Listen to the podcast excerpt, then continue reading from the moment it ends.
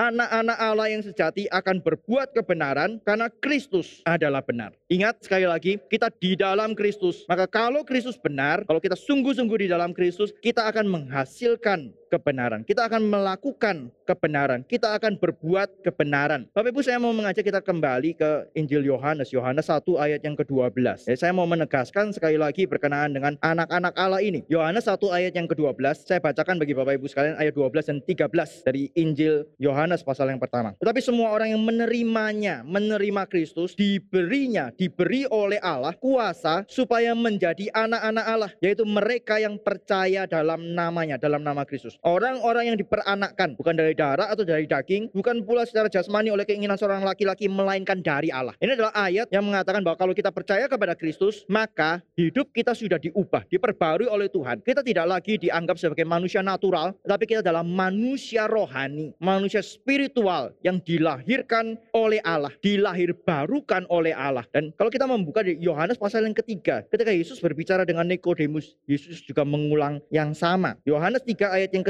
Yesus menjawab katanya, Aku berkata kepadamu, sehingga jika seorang tidak dilahirkan kembali, ia tidak dapat melihat kerajaan Allah. Dilahirkan kembali bagaimana Nikodemus bertanya. Dan kemudian Kristus menjawab, dilahirkan oleh roh kudus. Dilahirkan dari air dan dari roh. Dilahirkan dari air adalah kelahiran natural kita. Kita semua keluar dari kandungan ibu kita. Ada air yang keluar ketika kita dilahirkan. Dilahirkan dari air. Tetapi kita juga dilahirkan dari roh. Kalau kita adalah anak-anak Allah. Kelahiran yang kedua. Kelahiran baru kita. Kelahiran rohani kita. Bapak Ibu kita sering mengingat hari ulang tahun ya. Berapa banyak yang mengingat kapan kita bertobat lahir baru. Ulang tahun kita yang kedua. Ulang tahun yang pertama ingat ya. Ada aktenya. Ulang tahun yang kedua ada aktenya enggak? Enggak ada ya. Kalau Bapak Ibu bertobat waktu KKR. Jelas tanggalnya. Catat di dalam Alkitab. Oh, itu bersyukur. Saya bertobat nggak tahu kapan. Karena pertobatan saya bukan satu waktu. Tuhan pimpin begitu lama, mengerti sedikit demi sedikit sampai kemudian tiba-tiba saya menyadari ini kebenaran. Saya percaya kepada Tuhan. Ya, tapi bertobatnya kapan saya nggak tahu. Saya nggak punya tanggal pertobatan. Tetapi di hadapan Tuhan mana yang lebih penting? Ulang tahun yang pertama atau ulang tahun yang kedua? Ulang tahun yang kedua. Ulang tahun yang pertama itu semua orang punya. Tapi tanpa ulang tahun yang kedua, maka seluruh hidupnya itu akan sia-sia dan akan dihakimi oleh Tuhan. Tapi kalau kita lahir baru, dikatakan kita menjadi anak-anak Allah. Nah, dalam bagian ini dikatakan dilahirkan kembali atau lahir daripada padanya. Itu berarti kita diubah natur, kita diberikan natur manusia baru dan kemudian diadopsi oleh Allah. Dua hal ini berkaitan. Kalau Kristus tidak menebus kita, Roh Kudus tidak melahirbarukan kita, kita tidak memiliki natur yang baru, kita tidak mungkin diadopsi oleh Allah. Karena natur lama kita manusia berdosa bertentangan dengan natur Allah yang kudus. Kita harus dilahirbarukan. Baru kemudian kita bisa diadopsi oleh Allah menjadi anak-anak Allah. Tapi kalau kita sudah menjadi anak-anak Allah, sudah dilahir baru, natur yang baru, maka perhatikan ciri yang kedua ini harus muncul di dalam hidup kita, yaitu hidup kita berbuat kebenaran, menghasilkan kebenaran karena Allah itu benar, karena Kristus itu benar. Bapak Ibu teliti hidup kita. Ketika kita mengaku percaya, kita mengaku Kristen, bagaimana kehidupan kita? Apakah kehidupan kita menghasilkan hal-hal yang benar atau kehidupan kita sekedar menghasilkan hal-hal yang baik? Hati-hati ya, dua hal ini beda. Menghasilkan hal-hal yang benar atau sekedar menghasilkan hal-hal yang baik. Saya